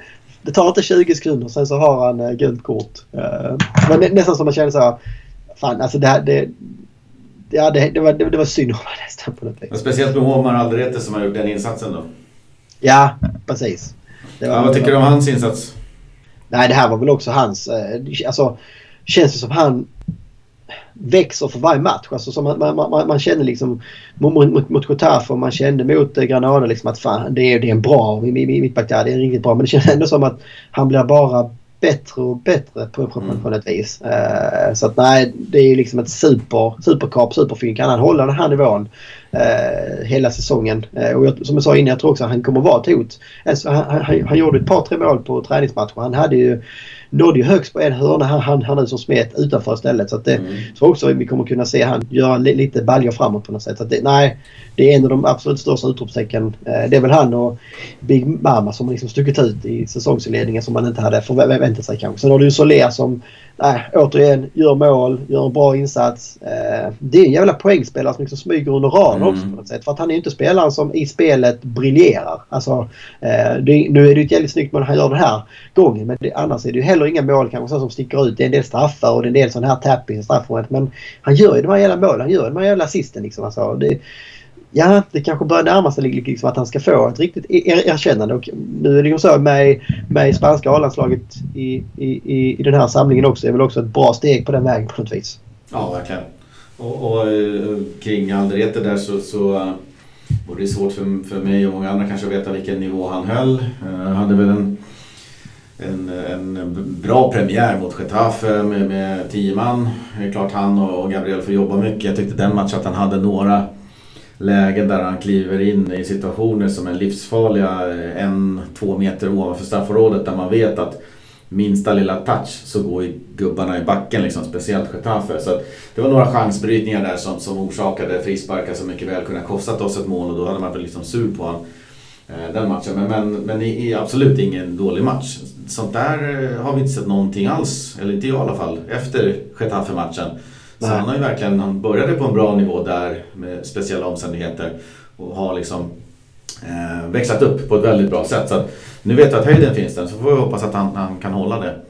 Ja, men jag håller med. Eh, Alltså, löpande. tycker du är inne på något bra. För det kändes som Mututafe överlag jättebra. Men det fanns en del sådana detaljer att slipa bort. Det var en del frisparkar som man tog som var lite så onödigt bra frisparkslägen. Mm. Liksom. Lite för het utanför straffområdet. Eh, men det känns som det har ju redan börjat fila på. Det har ju inte liksom alls... Sen kanske också varit, varit sämre lag. Och det är väl det man får, får ta med, med sig med Valencia i stort och en del insatser. att det har ju varit liksom Alaves, Granada och Getafe. Jag tror framförallt Getafe och Alaves kommer vara lag som kommer liksom hålla till ganska långt ner i tabellen. Det är väl det vi också får. Eh, det är väl därför liksom hela analysen också blir svår att göra. Liksom, var står Valencia egentligen? Alltså sen, sen är det ju som, som det är. Vi har mött och vi har, vi har mött. Vi kan inte göra mer än så. Men eh, mm. ja, Ja, kul att se. Jag, jag, jag gillar, eh, som jag varit inne på tidigare, det Valencia vi, vi ser på banan nu. Uh, och vi kan väl... Uh, alltså, stor del av det måste man liksom tillskriva uh, Bordalas. Det är ju allt det där. Är det tränaren som gör det eller är det spelarna på planen? Ja, det är de som, som, som sparkar på bollen och så vidare. Men taktik och, och inställning, uh, atmosfär på träningar. Alltså, allt det där är ju någonting som tränaren för till bordet eh, och måste implementera. Spelarna måste lyssna och ta det vidare. Ska vi, ska vi kolla lite isolerat på båda last då? Vad, vad, vad ser du? Vad, vad, har du sett på, på planen? Och vad har han eh, bidragit med så här, så här länge? Vad, vad blir den korta summeringen av hans tid? Ja, men det absolut tydligaste som man liksom kan, kan, kan se det är ju, ja, men det är intensiteten eh, mm. liksom i, i, spelet på något vis. I, i spelet. Alltså, han, han, han har ju han har liksom återuppväckt någon slags hunger hos väldigt många spelare som man inte sett de senaste två åren. Eh, för det har liksom varit... Valencia har haft en, Valencia har haft en bra trupp de senaste två åren. Även om vi liksom i fjol tyckte det var katastrof att vi tappade alla. Det var ändå, alltså spelarna som, som var kvar var ändå skulle, alltså, det har ju varit extrem underprestation av truppen i två säsonger i rad. Så eh, Ades liksom, hade en kalastrupp. Absolut. Alltså han, han hade nästan Marcelino-truppen som han liksom man, man, man koppade med och kom mm. fyra i ligan. Så att, eh, där, där var det ju en extrem underprestation såklart. Och det, det hänger ju också på spelarna. Men det är ju... Men där ser man kanske också vad en tränare som Celades kan betyda. Exakt, han inte för till bordet. Nej men när, när, när liksom, när, jag tror bara, bara det att du, du får in en riktig tränare. Du, du, du får in liksom en tränare som har en plan. Alltså, mm. Bara det skapar en seriositet hos spelarna. och Får spelarna också att, lyssna på tränaren och gå efter hans instruktioner och köpa hans gameplan på något sätt. Och det märks liksom att ja, men alla, alla springer och krigar och liksom följer instruktionerna betydligt mer, mer nu än man, man, man kunde se innan. När det ofta kändes som att många spelare spelar mer för sig själva än de spelar för laget på något sätt. Eh, sen, det är svårt tycker jag och, och så här. Det finns en del det, det, det, kan låta motsägelsefullt för att det, det, finns liksom en del supertydliga liksom linjer och taktiska grejer som man kan se. Det här är liksom borderlandsboll. Eh, samtidigt tycker jag också det var tre extremt olika matchbilder. Mm. Vilket lite grann av, av, av naturliga skäl mot Getafe blir det som, som, som, som det blir där vi får träna för, liksom, väldigt mycket, mycket lågt försvarsspel eh, och en kämpainsats och sen försöka liksom, orka ha omställningar också. Eh, Granada är ju en mycket sämre insats. Man får riktigt alls till, till spelet på något sätt. Alltså inställningen och intensiteten är ju där men spelmässigt får man inte till det riktigt. Eh, och sen då mot Alaves så känns det liksom som ja, men som allting klickar. Eller om man, alltså, utan att det är liksom en 10 av 10 insats så är det ändå att ja, allting klickar. Du hade intensiteten, du har ett väldigt solidt försvarsspel som inte släpper till i stort sett en enda farlig målchans.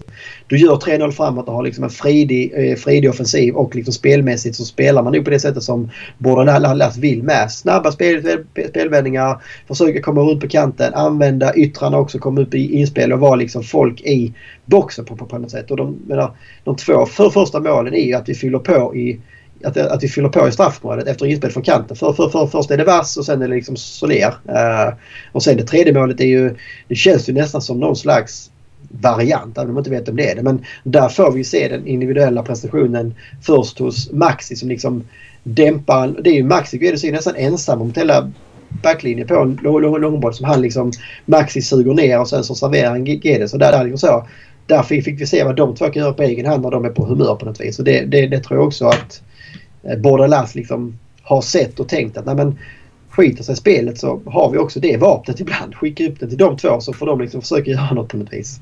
Ja, jag tycker Bordalas generellt sett har visat det både i fönstret och eh, i de här matcherna och, och, i hur han liksom för sig i media och allt att han har en eh, större koll, kunskap och, och förståelse för helheten eh, av en fotbollsklubb. Eh, det kändes som att Celades och Gracia i stort sett bara fokuserade på träningarna och sen att sätta en matchplan. Men det handlar också om värvningar, spelartyper. Alltså det är jättemånga. Hur, hur, hur pratar du och vilken dialog för du och vilken pondus har du hos ägare, sportchef och scoutingansvarig eh, Corona. Ja. Så jag vet inte, det känns som att det är liksom en... Eh, jag ska inte alltid jämföra folk med Marcelino men, men det känns som att han, han har ju mer eh, att säga till om och han har mycket, mycket bättre koll än Celades och, och Gracia. Och, och, mina tankar går ju lite tillbaks till Marcelino som, som också jag fick en känsla av, och jag tyckte han visade flera gånger om, hade eh, koll på hur ska en tränare för en fotbollsklubb vara. Du är inte bara en tränare utan det är väldigt många olika parametrar som det gäller att känna till och kunna hantera. Och, och jag tycker det ser bra ut med Bordalas ur den aspekten. Nej, men jag håller med. Det är ju supermycket som påminner om Marcelino-eran. Alltså både i spelet men det är väl också liksom rapporter som, som liksom skvallrar med allting runt omkring med struktur, med mm. liksom äh, äh, Eh, disciplin eh, och hela det här liksom att, att det finns en tanke, en plan, ett upplägg på allting på något sätt. Det känns inte som... Det är inte bara ad hoc och det är liksom inte eh, en, en Gracia alltså, som liksom egentligen bara vill därifrån och bara vill att säsongen ska, ska ta slut och liksom försöker göra det han kan men får han inte ut det så... Du ser ju bara, bara på sidlinjen. Det är liksom en helt annan engagemang från, från Bordalas nu. Och, eh, jag tycker också det här, även om det var tre olika matchbilder och någon liksom kan tycka att ja, men det kanske är konstigt och man vill ha ett lag som alltid ser likadant ut. Så tycker jag också det visar liksom på den här bredden som Bordelas kanske har. Att han liksom snabbt kunde svänga om en gameplan mot Getafe. Eh, kunde studsa tillbaka efter det lite sämre spelmässigt och liksom så. Vi fick vara nöjda med, med en poäng mot Granada där vi kanske hade hoppats på mer. Kunde liksom vända det till att gå ut och göra en riktigt bra hemmamatch mot, mot Alaves. Eh, så det finns, det finns liksom Nej, men jag säger återigen, jag, tror liksom det är få, få, få tränare som man, man, skulle vilja ha i Valencia just nu i där. Alltså, det känns liksom som verkligen träffat rätt. Nu får bara hoppas att han liksom får fortsätta att jobba så som han vill jobba. Eh, och han har ju fått, nu har han ändå liksom fått en, en en bra trupp att jobba med. Även om han liksom inte fått en perfekt trupp så tror jag liksom att han, han är nog väldigt nöjd. Han har säkert liksom också varit, varit orolig vad för som skulle kunna bli de, de liksom sista dagarna. har jag också sagt i intervjuer liksom att nej men stannar GD, stannar Max. Ja jag vet inte. Eh, det, det liksom, skulle det komma in några, några höga bud så, så kanske inte. Eh, och det är väl klart att han kanske var den som satt mest och bet på naglarna under, under gårdagen. Att, eh, det, det är stor skillnad för honom att kunna starta med Genes Max än att behöva starta kanske då med en Vallejo eller Hugo såklart. Ja. Eh, och nu när han har fått in lite spelare då. Eh, har han rätt material och, och, vad förväntar du dig liksom? Vad kan man förvänta sig av Bordalas? Låt oss säga kommande 5-10 matcher, alltså liksom på hösten, så får man ju se hur det utvecklar sig därifrån. Förväntningar tenderar ju hos oss supportrar såklart att gå upp och ner beroende på var man hittar tabellen. Men, men vad, vad, förväntar du dig? Liksom? Vad, vad, hoppas du kunna se och kan, vad, vad känner du att du kan kräva? Alltså, det, jag tycker det är svårt att säga någonting efter tre matcher. Så ska mm. säga, kollar man på den truppen som man har eh, så ska ju det här Valencia-laget ska ju absolut, absolut kunna vara med och, liksom, och, och, och, och fightas om de eh, vad ska man kalla det, så Europaplatserna eh, de sista Europaplatserna om man säger så. Mm. Eh, topp 4 är man alldeles för långt ifrån. Kanske till och med topp 5. Alltså det är bara att kolla på vilka spelare som liksom Sevilla byter in jämfört med vad Valencia har på sin bänk. Det, det, är, liksom, det är en annan värld. Eh, Sevilla som, som kanske då liksom är, är det typiska lag 4. De, de tror jag jag, jag, tror det kan bli liksom en väldigt, väldigt tajt toppstrid då. Där de, de säkerligen skulle kunna om de liksom får fullträffar eh, vara med länge och fightas liksom om ännu högre placeringar. Eh, och även om Barca och Real är lite så eh, brandskattade så kommer de ändå vara liksom långt före. Så att topp 4 är ju kört. Alltså, jag ser liksom inte att man ska kunna vara där. Sen så är det, där är, sen är det två, tre lag till som kanske kanske liksom är på Valencias nivå, kanske lite vassa. Men där några av dem också har, har, har Europaspel. Alltså Villarreal, Real Sociedad.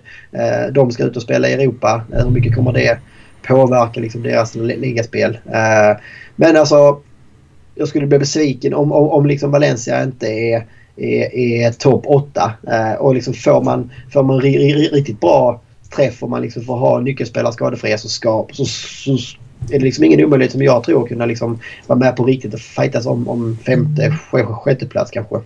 Nej, och, och, jag står ju fast vid det som eh, åtminstone jag har sagt lite tidigare. Att kan man göra det med Getafe så, så kan man göra ja. samma sak eh, med detta Valencia. Med de spelarna som vi har och fått in. Eh, det är ju verktyg som Bordalas aldrig tidigare har jobbat med. Så jag ser absolut framför mig att man liksom kan förvänta sig att, att Valencia hugger just på den där sista Europaplatserna. Och, och eh, kan vara med där i mixen. Sen så, så får vi se eh, om det blir stolpe in, stolpe ut eller om man liksom börjar kräva eller hoppas på Champions League-platser om det vill riktigt väl. Men, men, men, att sladda runt, alltså vi ska inte ens vara i närheten av att sladda runt på plats 11 till, till 15 liksom. Nej. Ligga där, där, där då, då, de förväntningarna har jag i alla fall att, att de dagarna är för tillfället över. Eh, jag trodde ju inför den här säsongen eh, när vi pratade med Paco bland annat att, att, att det finns risk att vi på riktigt åker ur. Eh, men ja. det har ju blivit en, en helt annan vändning på det här när Bordalas kom in och han visat vad, vad han har gjort och vi har fått nyförvärv som har funkat. Nu har vi fått ja, en, en, en bra trupp liksom. Baserat på vad vi är idag som klubb. Så att, Ja, men förväntningarna är som sagt eh, från mig att man, man är med och hugger på den här Europaplatsen. Ja, nej, men det är alltså, jag tycker så börjar man det är skönt att, att man kan liksom börja räkna uppifrån istället för att behöva börja, börja mm. räkna nerifrån. Så är det liksom. När du kommer så. Atletico, Real, Barca, Sevilla. Nej, de kommer inte sätta på. Sen så börjar du så. Vem är liksom så topptippad och blir femma. Är det, är det Sociedad kanske? Är det Villarreal? Är det ett Betis som ska vara med och fightas där? Ja men då, då kan du absolut slänga in Valencia i den ekvationen också. Alltså samma sak som du kanske har ett Bilbao om de träffar rätt på något mm. sätt. Så att det, det är ju där, alltså femteplatsen. Eh, det, det blir som här, den andra ligan eller vad man ska säga. Mm. Det är mm. ganska många där eh, liksom som, som, som, som är med och. Det är säkert alltså minst fyra, fem, fem lag som skulle kunna bli femma utan att det är en skräll. Och sen så har du ofta något lag som liksom flyger. Du har haft ett Granada, några du hade Getafe innan.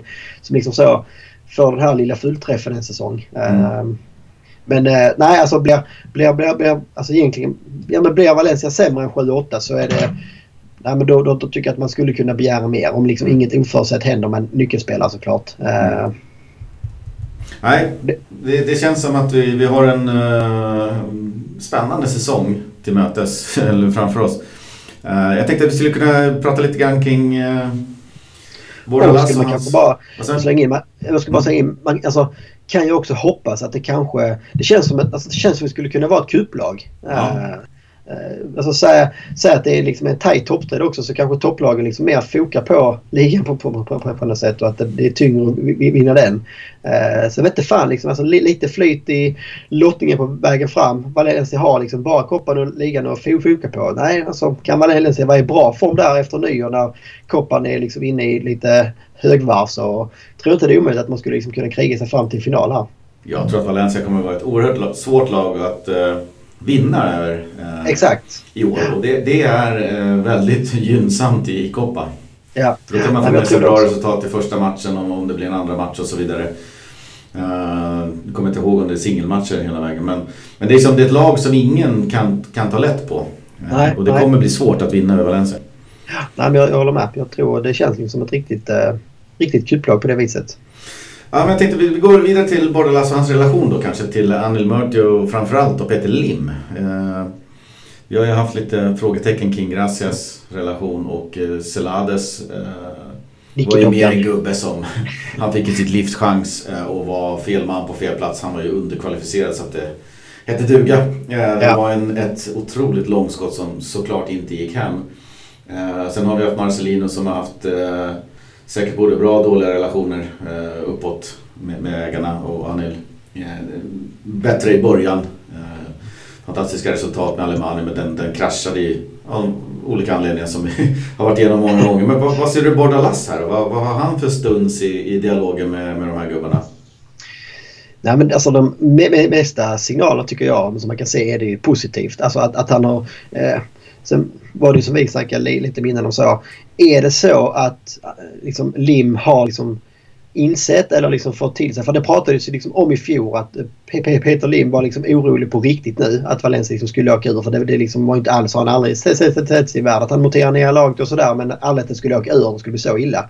Och det snackade också om att, liksom, att till och med Jorge Mendes var liksom inne och gav honom råd att han behövde sätta en ordentlig tränare och sportchef på plats för att liksom, eh, få lite snurr på det här. För att det är, ändå, eh, det är också en investering. Så det kan liksom vara så att det är inte särskilt svårt för att liksom göra, göra någon snabbanalys på de senaste fem åren.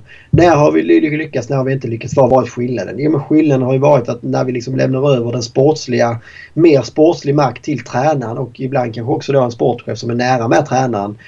Då, då, får vi, liksom, då får vi bättre utveckling på grejerna. När, när, när vi sätter liksom en Celades och en Javi Gracia som inte får så mycket att säga till, till, till, till om i truppen eller liksom eh, känner sig ja, förbisedda på något vis. Ja, då, då får vi negativt på, på, på truppen. Och mm. Det kändes ju, alltså bara i rekryteringen då på Båda Lass var det ändå någon slags tecken på att ja men och både Lasse har säkerligen haft en del krav och de har ju säkerligen vetat vad för typ av tränare det är det som man, man, man får in. Att det här är ju mer en Marcelino-typ än, än, än det är en Gracia och landets typ på något sätt.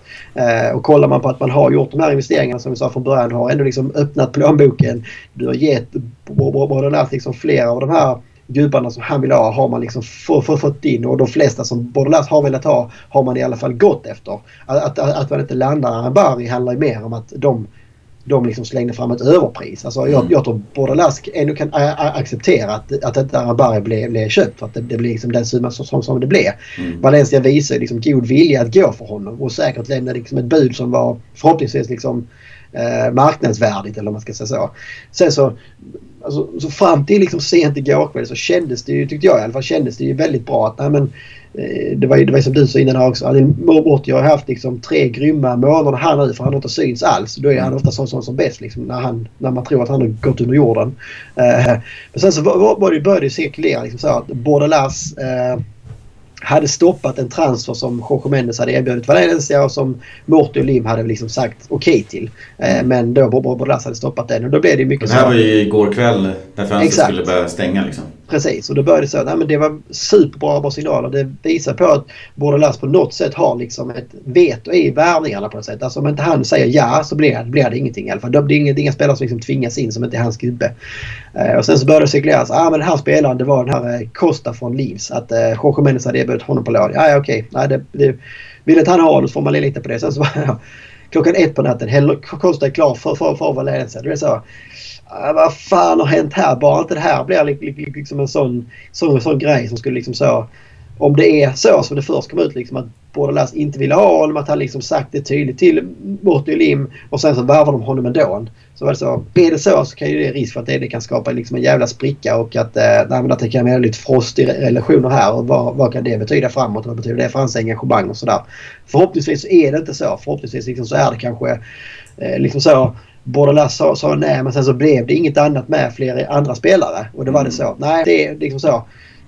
Halv tolv på kvällen så var det liksom så. Det kostar eller är det ingen alls? Vad, vad, vad, liksom, vad säger du? Ja, kör då. Jag hoppas att det är det snarare. Eh, för då, då känns det som att Bordelas har liksom fått, fått en bra, eh, bra, eh, ja vad ska man säga, bra läge i hierarkin på, på, på, på något sätt. Och så länge som han levererar på planen så borde det inte finnas någon, någon liksom anledning att, att, att, att rucka på det för, för dem ovanför honom heller.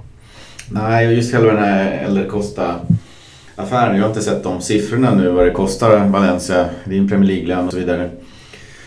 Att låna in honom. Eh, har Valencia pröjsat någonting? Är, eller är det en, en Mendes asset? Eh, som Mendes känner att här behöver jag hitta speltid till den här gubben.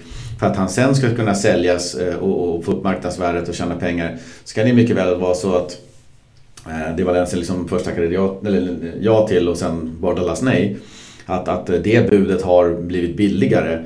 Och att Bordalas kanske känner, ja men att det är den pengen, men ta in honom då. Alltså jag ja. har inte superbehov av honom. Vi behöver inte liksom gå för en kille eller liksom öppna plånboken för den här gubben. Men förhoppningsvis så kan det ju vara så att man har fått en jäkligt bra deal för att man vill liksom få, få fart på killen och få honom att spela lite grann. Eh, och att han passar bra eh, så här i Valencia.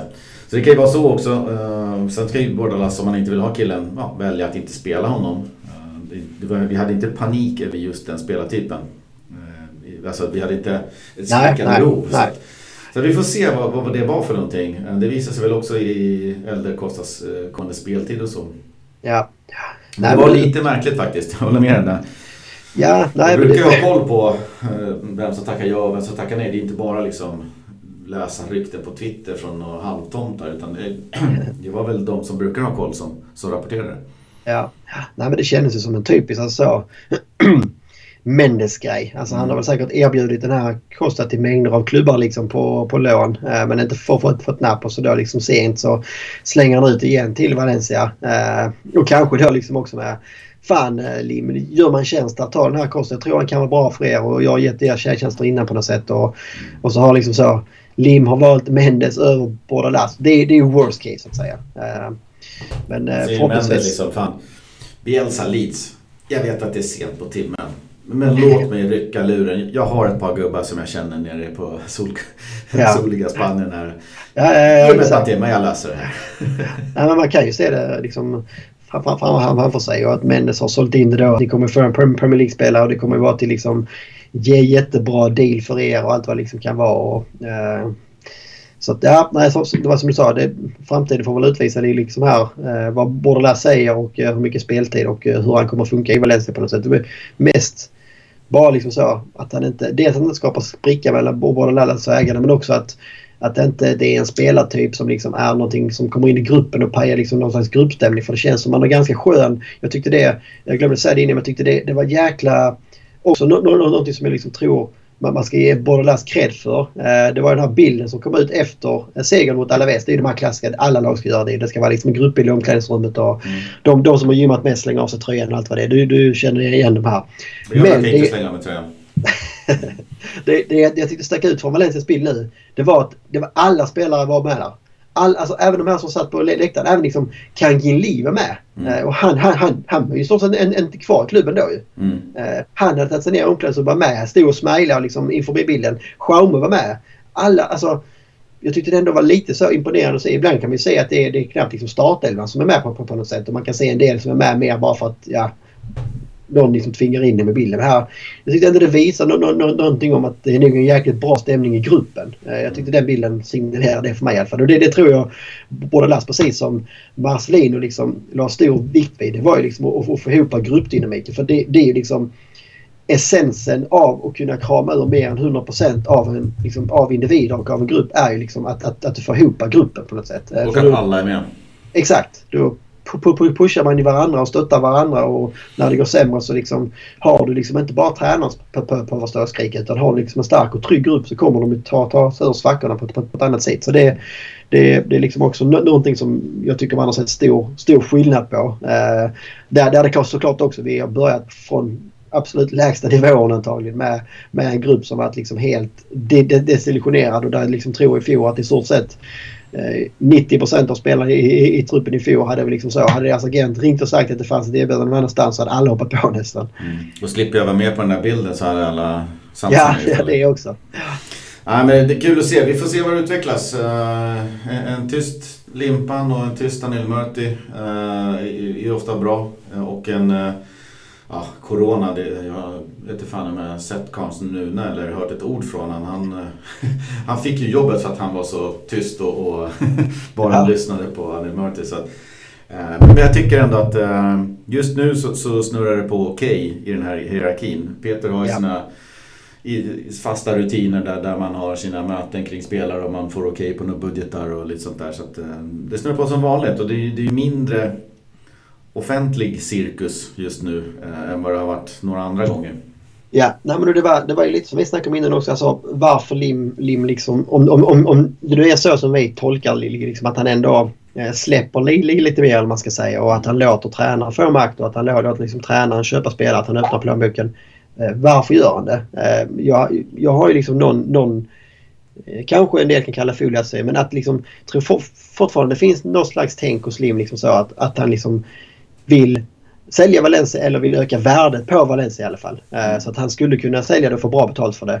Eh, och då är kanske också det här någon slags liksom sätt för honom att för menar, de två senaste säsongerna har ju liksom inte direkt eh, gjort den här bruden så attraktiv om man säger så. Eh, det här är ändå ett sätt att du, du behöver få in liksom en stark tränare, få in lite spelare. He, he, hela bilden av Valencia idag jämfört med bara liksom för fyra månader sedan är ju betydligt, betydligt eh, starkare. Och vet, mm. liksom, alltså det är på positiva vindar. Det är ju inte bara resultaten på planen utan det är ju liksom... Ja men Valencia börjar köpa spelare och kolla Valencia får, får ju behålla de här stjärnspelarna. Det, det, det trodde vi ju aldrig.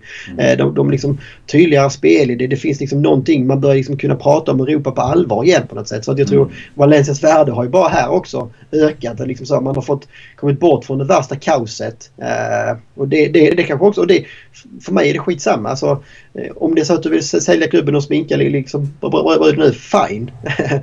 Men eh, för allting är ju liksom bättre, bättre än den trenden som vi såg förra sommaren där det bara liksom kändes som att det var liksom Nej, nu har du tagit bilen till skroten och du börjar liksom plocka ut de delarna som är värdefulla. Till sist så kommer det liksom bara vara ett stålskelett som, som, som är kvar som inte är värt ett skit. Det var ju, det var ju den vägen som det kändes vi var, var, var på väg på något sätt.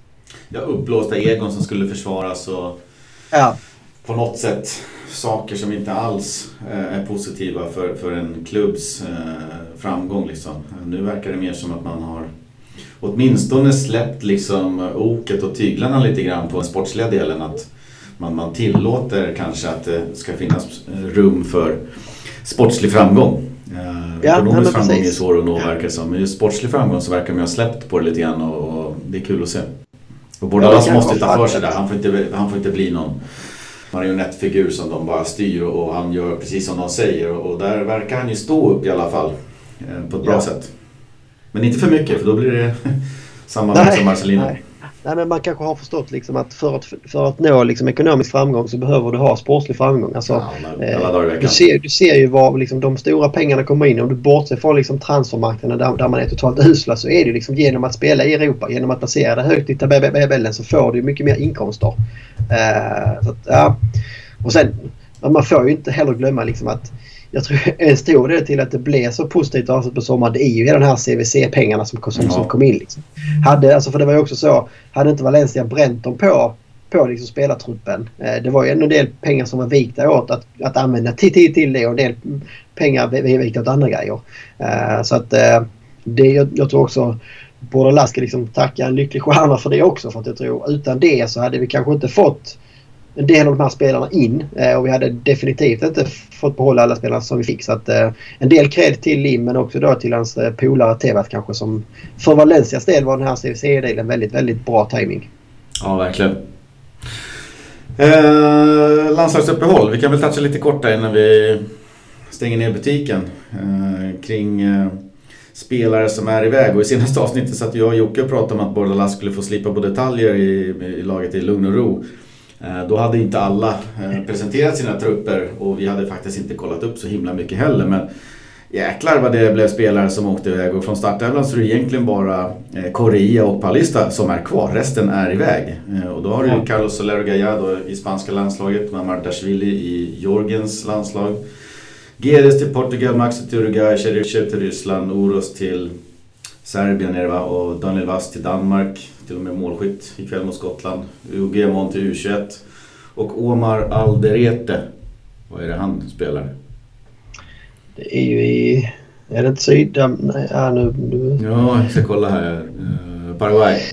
För det var ju, ja precis, för det var ju, det var ju mycket snack om eh, Alderet och eh, Maxi Gomez vad de skulle göra. Eh, om de skulle, för det, var ju, det, och det har ju varit hela fotbollsripa som har diskuterat det. Liksom, om man, med, med, med de här spelarna som åker till länder som då är listade eh, mm. på något vis. Eh, men det, var ju, det, var ju, det blev ju någon deal där med den liga till sist. Att de, de, de, de, de lag som skickar iväg spelare till de länderna skulle få någon extra dag eller vad, vad, vad, vad det var. Eh, jag har inte helt koll på detaljerna. Eh, men, eh, nej, men det, är, det är alltid så här. Det är alltid två, tvåsidigt det här med liksom landslagsuppehåll och när man har många spelare i landslaget. Å ena sidan kan vi säga om nio spelare från startelvan är med i landslag så är det också ett tecken på det vi pratar om hela podden på något sätt. Att Valencia är på uppgång, att Valencia liksom har en positiv sväng och att Valencia har ett starkt lag. Eh, oavsett att det är liksom någon som är i Georgien och någon som är i Paraguay och någon i Dan Dan Danmark. Och det, är liksom, det är ingen, ingen av de här spelarna som kanske är eh, supertongivande i sitt landslag så är de ändå med i sitt landslag. Alltså bara när, liksom, när Valencia har varit som lägst så har vi kanske knappt skickat iväg en, en två spelare. Mm. Om man säger så. Uh, sen är det klart det negativa är ju då att du får ju mindre tid för, för laget. Sig. Både Lass träningar nu i den här veckan. Det är inte mycket. Nu fick han väl in eh, Hugo Duro eller Costa eh, som liksom kommer till truppen som man kan liksom kanske trimma det lite och få koll på. Men eh, ja, överlag är det väl ändå positivt får man väl ändå säga för Valencia liksom på något sätt. Och att, att de, de här spelarna också får lite självförtroende och är med liksom i, i bra miljöer och tränas och utvecklas. Ja, verkligen. Sen har vi Carlos Herrero Gaya. Det är mot Sverige imorgon va? Eh, Just det. Det är kul. Mamadashvili Georgien är också Sveriges grupp. Eh, nu verkar det som att de har någon gammal stofil som är och har varit etta länge i Georgien och Mamadashvili eh, är nöjd att vara med. Så får vi se. Han har tagit plats i Valencia. Ja, det, fast han bara skulle ner och titta på. Så, sen får vi se. Sen var Guedes och Gaida inte var med i Portugals lag. Uh, Maxidon åker iväg. Cherusha brukar vi göra sitt. Oro ska väl säkert spela. Uh, och Hugo Gemon ska säkert spela. Så det kommer ju bli speltid på en del spelare här. Uh, vilket ju, vi får se hur det påverkar när han kommer tillbaka då. Ja. Soler till exempel, är inte mycket vila på den gubben med OS och grejer i somras. Nej, det är frågan alltså. För det var ju lite förvånande att han var med i truppen. Men det känns också om man nu väl tar ut honom i truppen så tror jag så... Luis Enrique har ändå visat det att det kan ju vara oväntade startelvor ibland. Liksom, att oj, den spelaren har inte varit med i truppen innan du startar. Så jag skulle inte bli förvånad om, om Soler liksom får, får någon start här. Bara precis för, för att han vill se honom i miljön och se liksom honom på riktigt och inte bara 10 minuter och liksom i, i träningar på något vis. Ja, exakt. Och, och, speciellt med tanke på att det, det är Sverige nu som man då får se som en nyckelmatch. Vinner Spanien den ja. eh, så, så, är de ju, eh, kan de ju kryssa egentligen. Gå på halvsegel eh, mot en eh, förmodad gruppseger. Eh, så är det ju. Det är inte svårare lag efter Sverige än, ska vi se här, Georgien och Kosovo. där ja. tror jag att man känner nog att det ska kunna gå vägen med, med vilket spanskt lag som helst. Så är det ju. Man har ju sen ja. Grekland borta när man rundar av med, med, Sverige hemma. Sen är det klart. Så jag, jag tror att de känner sig väldigt trygga i den starten som de har fått. Och eh, ja. att man då kan få in Soler eh, om han då får en start mot eh, Georgien eller Kosovo eller ett inhopp och få se han i miljön som Janne Andersson alltid säger. Jag tror det kan vara bra för de har nog, alltså Soler har ju funnits på, på, varit med i alla landslag hela vägen upp. Ja. OS och så vidare så att han har funnits på radarn. Så jag tror att Riken kanske mestadels är sugen på att se han i, i A-lagsmiljön. Se vad han kan göra på träningar och möjligtvis inhopp i, i matcher som han, som han städar av ganska lätt. Ja, nej det, det betyder att Gaia också borde få spela. Om nu Luis Enrique nu för tiden ser Jordi Alba som nummer ett så borde Gaia åtminstone få eh, en start. Ja, nej, det kanske kan vara... Gaia är väl en av de som liksom hade hoppats mer på i inledningen och sett lite risig ut. Så det, mm. det kanske kan vara bra för honom att eh, få lite ny energi kanske och kunna ta med, med sig det till Valencia sen. Så att, eh, det är bara att man sitter och alltid håller tummarna att det inte blir, blir några skador i alla fall. Det, det är väl det enda jag liksom egentligen bryr mig om. Sen så vill vi att det ska vara lagom speltid på alla spelarna. Inte för mycket och inte sitta bänk bara kanske heller som man sitter och liksom tycker det är tråkigt och sura. Nej, verkligen. Sen har vi en uh, Sillisen på hemmaplan och kanske någon ja. till som hugger på någon, eh, på någon Korea kan jag tycka borde liksom snart börja hugga lite på Portugals eh, A-landslag. Eh, så får vi se om det blir ännu fler. Men eh, oväntat många, för mig i alla fall, som, som åkte iväg. Ja, nej absolut. Och det är det, det som så en del som man liksom så Korea skulle man tycka liksom borde vara given i den truppen. Nu är det väl kan, Cancelo som spelar högerback där. Så det känns som de har ganska så bra, eh, bra på ytterbackarna kanske i, på, på Portugal. Vilket gör konkurrensen tufft. Men annars så Eh, och det, det, det är så. Alltså, Cherchev och Osakic ja, och Vass kanske. Det, det, det är kanske konkurrensen i de här länderna är lite annorlunda. Ja. Nej, så är det. Eh, en och en halv timme har vi nu pratat Valencia plus en 45 minuter bara du och jag innan. det drar iväg. Ja, vi tyckte vi hade liksom eh, tunt manus men mm. eh, det, tiden springer vä vägen då och det kommer alltid på saker längs vägen som är intressanta att lägga ihop och analysera.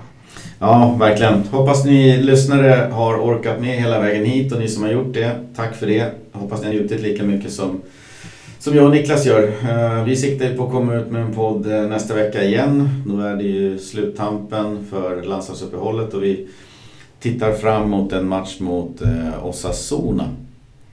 Precis, nej men det blir ju lite... kollar man liksom spelschemat framåt där. Det är Osasuna borde man ha bra chans i. Tuff bortamatch visserligen. Men sen, sen, sen, sen, är det ju då Real, Sevilla, Atletic, Bilbao, Cadiz och Barca. Där, där liksom, e-, efter de här sex kommande så kommer man nog kunna få liksom en ganska så bra hint om var Valencia står. Uh, hur Sevilla bra kan man liksom... borta, Real hemma och Bilbao hemma. Real hemma, eh, Sevilla borta, Bilbao hemma. Det är dessutom eh, tre matcher på sju dagar. Ja, precis. Så att eh, efter, ja, kanske redan där efter de här första fyra efter landslagsuppehållet. Precis som du säger, på 14 dagar har man fyra matcher där. Eh, då har vi spelat sju omgångar. Mm. Då, då liksom både poängmässigt och spelmässigt så tror jag att man kommer kunna känna, känna hur långt Valencia har kvar upp till den absoluta toppen men också liksom känna att eh, nej men fan det här femteplatsen absolut den ska vi kunna gå för. Mm. Det blir spännande att se. Det tar vi tag i nästa vecka. Det gör vi. Och säger som vanligt hasta luego. Hasta luego.